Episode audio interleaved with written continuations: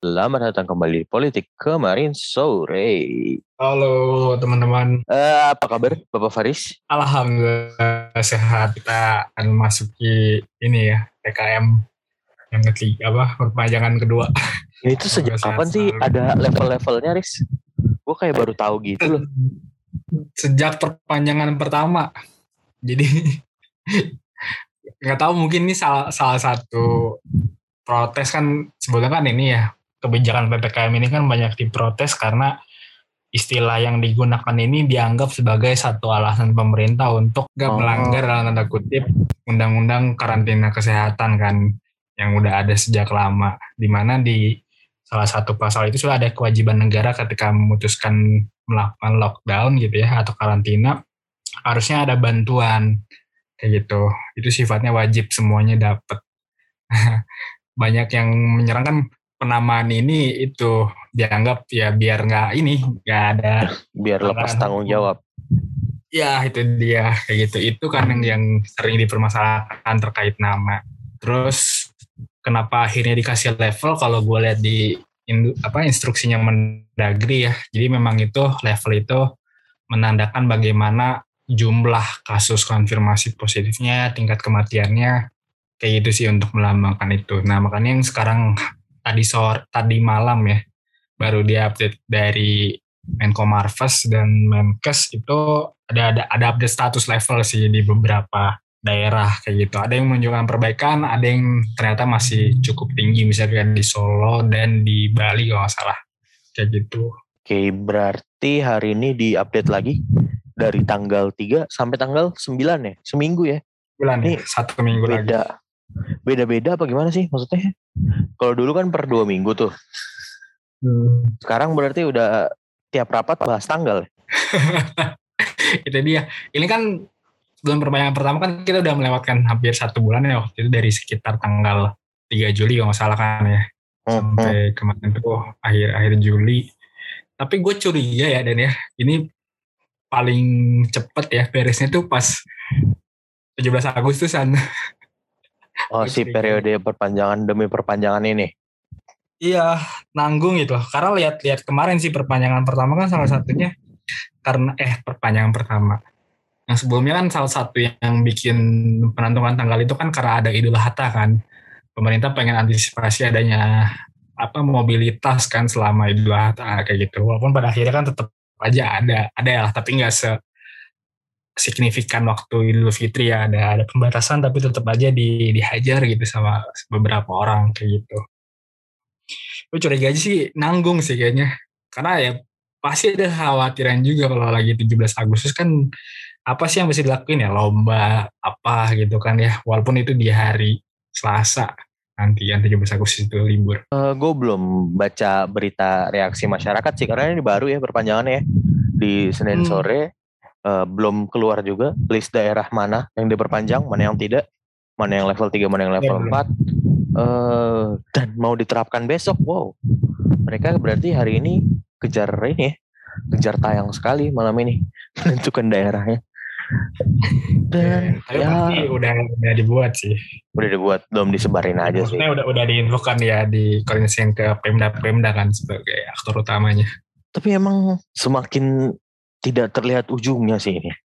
Gue udah udah sebenarnya udah denger lama ada cerita eh, harimau itu kena virus ini.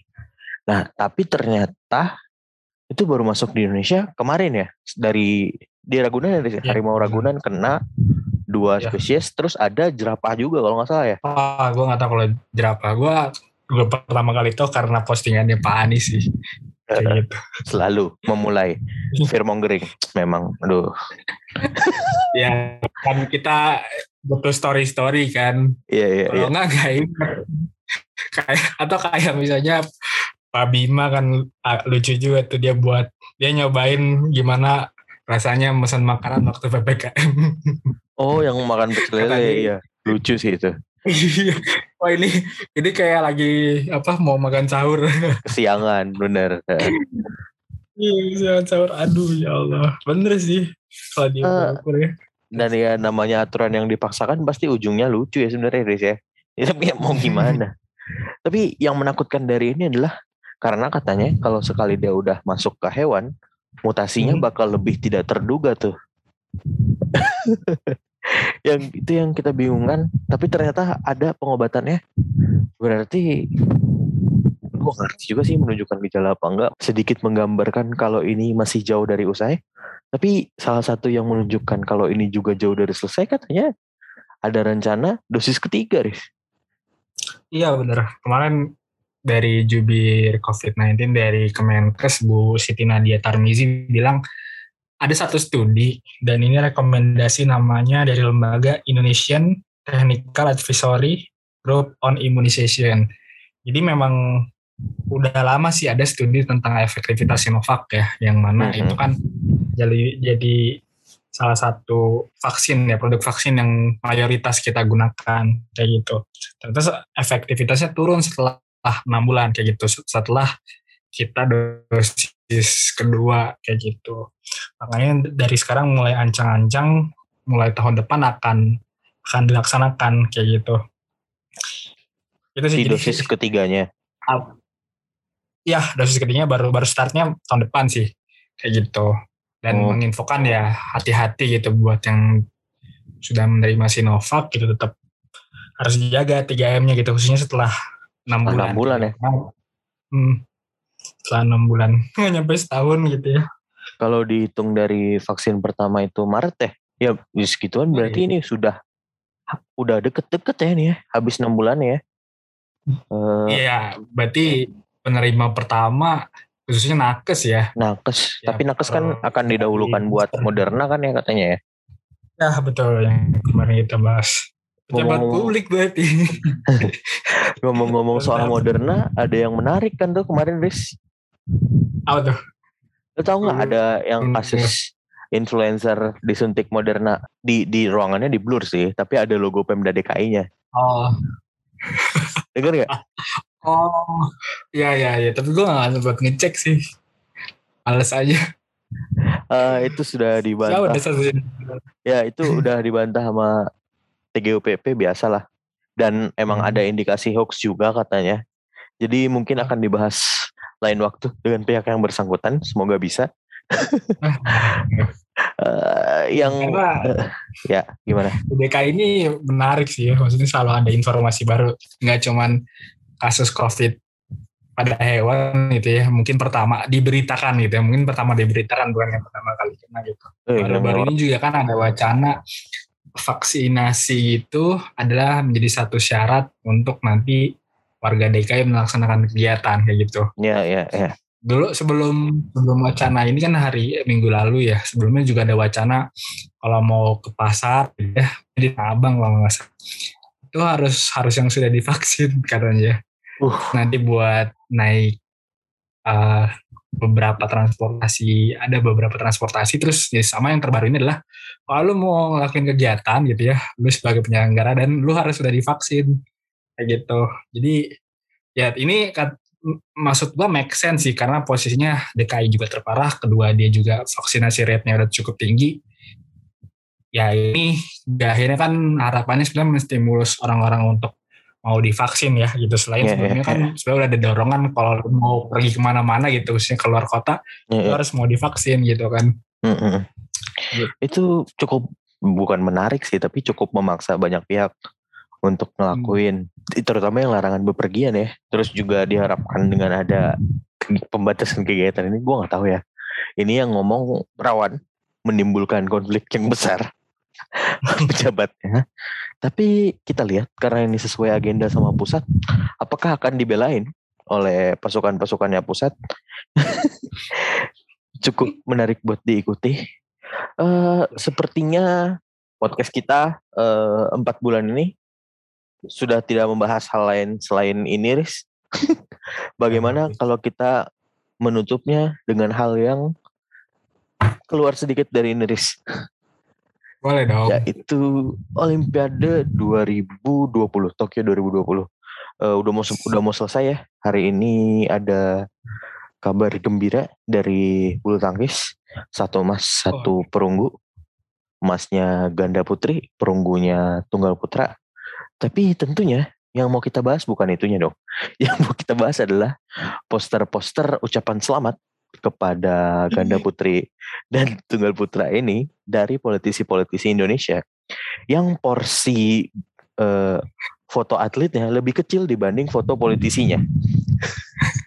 ini seharian uh, menimbulkan respon yang ramai banget di Twitter. Semua orang bikin poster ini dengan kalau politisi kan misalnya yang paling rame diserang nih AHY ya. AHY kan bikin poster, ada logo Demokrat, ada foto atletnya, foto AHY-nya gede, tulisannya di bawah Ketua Umum Partai Demokrat. Nah, netizen itu pada pakai foto dirinya sendiri terus jabatannya lucu-lucu. Ada ketua pengangguran dan lain-lain. Ada ya, bukan siapa-siapanya AHY gitu-gitulah. Uh, banyak lucu dari situ. Tapi kan ini indikasinya sudah jauh sebelum dari Olimpiade kan, Riz. Kita sudah melihat tempat-tempat wisata. Uh, misalnya kemarin gue ke Danau Toba, foto Danau Tobanya kecil, foto pejabatnya lebih gede gitu.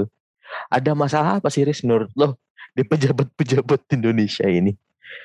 Nah, ini kita belajar kasus dari ucapan selamat untuk ini aja uh, eh, Gracia Poli dan Apriani Rahayu gitu ya harus medali emasnya. Yeah. Ini gue menemukan beberapa kompilasi gitu ya dari ucapan-ucapan ini yang menarik adalah AHY ini disatukan dengan politisi-politisi lain yang gue baru lihat mukanya hari ini gitu. Jadi sepintas gitu ya ini menunjukkan bahkan politisi level ketua umum saja gitu ya dia mem, dia membranding diri gitu atau membuat satu kontennya itu kemampuannya ya se, di sini aja gitu. Yeah. Jadi istilah kan kalau ini kan riding the waves ya gitu yeah. ya iya. ngikutin aja gitu jadi ya udah gitu. Kasarnya ya kasarnya apalagi ya nungguin momen gitu nungguin momen gitu nungguin sesuatu gitu. Yang udah hype hype ya ditiban aja gitu tanpa mencari apa sih sebenarnya yang dibutuhin gitu. Gue nggak gue melihat kasarnya gitu ya. Jadi sedih aja sih gitu. Ini orang-orang nggak punya hal lain apa yang bisa diposting gitu. Kerjaannya kayak sebagai politisi gitu ya apa gitu. Tuh kalau mau posting ya nggak usah pakai foto mereka aja, sesimpel itu. Iya dan nah itu maksudnya itu mungkin karena nggak saking mereka nggak dikenal gitu ya. Ya maksudnya Jadi, kayak ada ada percakapan lucu sih itu antara akunnya PKB. Kalau nggak salah akunnya PKB hmm. itu upload ucapan dari anggotanya yang ketua eh, komisi. komisi 10 yeah. ngomongin anggaran olahraga kan. Oh, Terus oh, okay. ada yang nanya di kolom komentar, Min kenapa hmm. perlu pakai foto? Terus jawabannya PKB, ya biar tahu yang ngucapin siapa. Itu kayak apaan? Ya Allah, ini adminnya kayak nggak dibayar deh selama WFH. kurang ini ya, kurang rajin mencari alasan ya. Iya, jadi nggak keluar itu skill-skill apa untuk menjawab memberikan jawaban yang terbaik. Karena sebenarnya ini kan sepanjang tahun problemnya kita alami ya Riz ya. Uh, ya kalau lo buka akun Instagramnya Pemkot Bogor atau Depok, itu isinya kan hmm. foto semua. Jarang ya. men infografis tanpa foto pejabat. Itu dilakuin lah sama Jawa Barat sama DKI. Tapi sisanya lebih banyakkan fotonya dibanding infografisnya. Uh, semoga dengan adanya backlash ini jadi pelajaran, terutama buat AHY yang selama ini digadang-gadang bagus dalam segi desain ya. Mudah-mudahan hmm. ke depannya tidak hanya desain grafisnya AHY yang bagus, tapi juga isinya dong diperbarui. Jangan konten-konten model lama di rebranding baru aja gitu. Fotonya itu, itu lagi lagi. Sama tapi tapi ini mending lah ya yang yang yang yang maksudnya ini momen bahagia lah oke lah baik gitu yang lebih mengerikan adalah beberapa bulan yang lalu ya waktu ketika ada pembagian bansos gitu ya dan waktu itu berbarengan dengan pilkada 2020 gue inget banget itu bupati apa ya gue lupa. Gue tapi gue inget namanya adalah Bu Sri Mulyani tapi bukan Menkyu gitu. Dia salah satu bupati gue lupa di Jawa Tengah kalau salah ya. Itu bansos ditiban sama muka dia coba. Iya iya, gue tahu gue tahu. Iya iya iya. Apakah dengan memberikan muka dia orang-orang jadi lebih happy gitu ya atau gimana gitu? Sanitizernya oh. jadi lebih bersih, Riz. Iya kan makanya. Maksudnya ya Allah udah mah dia pengen membranding diri gitu ya terus memanfaatkan fasilitas pemerintah sih itu ngeri sih. Walaupun ya alhamdulillahnya akhirnya dia kena kena sanksi masalah tapi gue lupa sanksinya apa kayak gitu ya akhirnya kan jadi jadi perhatian ya gitu maksudnya untuk para politisi kita ya tadi sih gimana buat konten gimana dia akhirnya membrandingkan diri gitu dan harus tahu sih mana yang apa dari satu hal ya desain-desain gitu ya apa sih yang sudah jadi utama sebenarnya gitu bukan muka lu gitu selama konten lu bagus lu akan diingat gitu ya Uh, ya, tapi emang ada juga sih yang terkenal dengan konten-konten seperti ini. Contohnya ya Bu Puan, atau yang lebih dekat ke gue ya Rektor ITB. Wah, epic sih itu. Epic banget nih. Yang Rektor Pemateri. ITB. Pemateri siapa? Poster kalian siapa? Bukannya. Padahal dia cuma kata pembuka kan, Des, kalau gue nggak salah itu tuh. Iya, iya, inget banget gue itu. Uh, Twitter. Terus kan kalau poster kampus harusnya yang paling gede itu logo kampusnya ya. Tapi itu iya, satu no. banding 100 kali logo kampus sama foto bu rektornya. Iya. Emang benar-benar beda nih. Rektor pertama wanita di ITB luar biasa. uh, wah di tempat gue hujan deras, Riz. Kayaknya akan keganggu suaranya.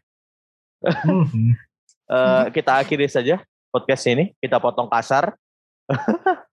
Terima kasih kawan-kawan yang sudah mendengarkan. Mohon maaf kalau okay. semakin tidak rapi nih podcastnya. uh, jangan lupa uh, mention-mention kita upload lah di Twitter, di Instagram kalau hmm. dengerin episode ini. Kalau mau kritik juga boleh, tapi Instagram Faris saja ya. Uh, di @gifaris Terima kasih, sampai jumpa di episode-episode selanjutnya. See you.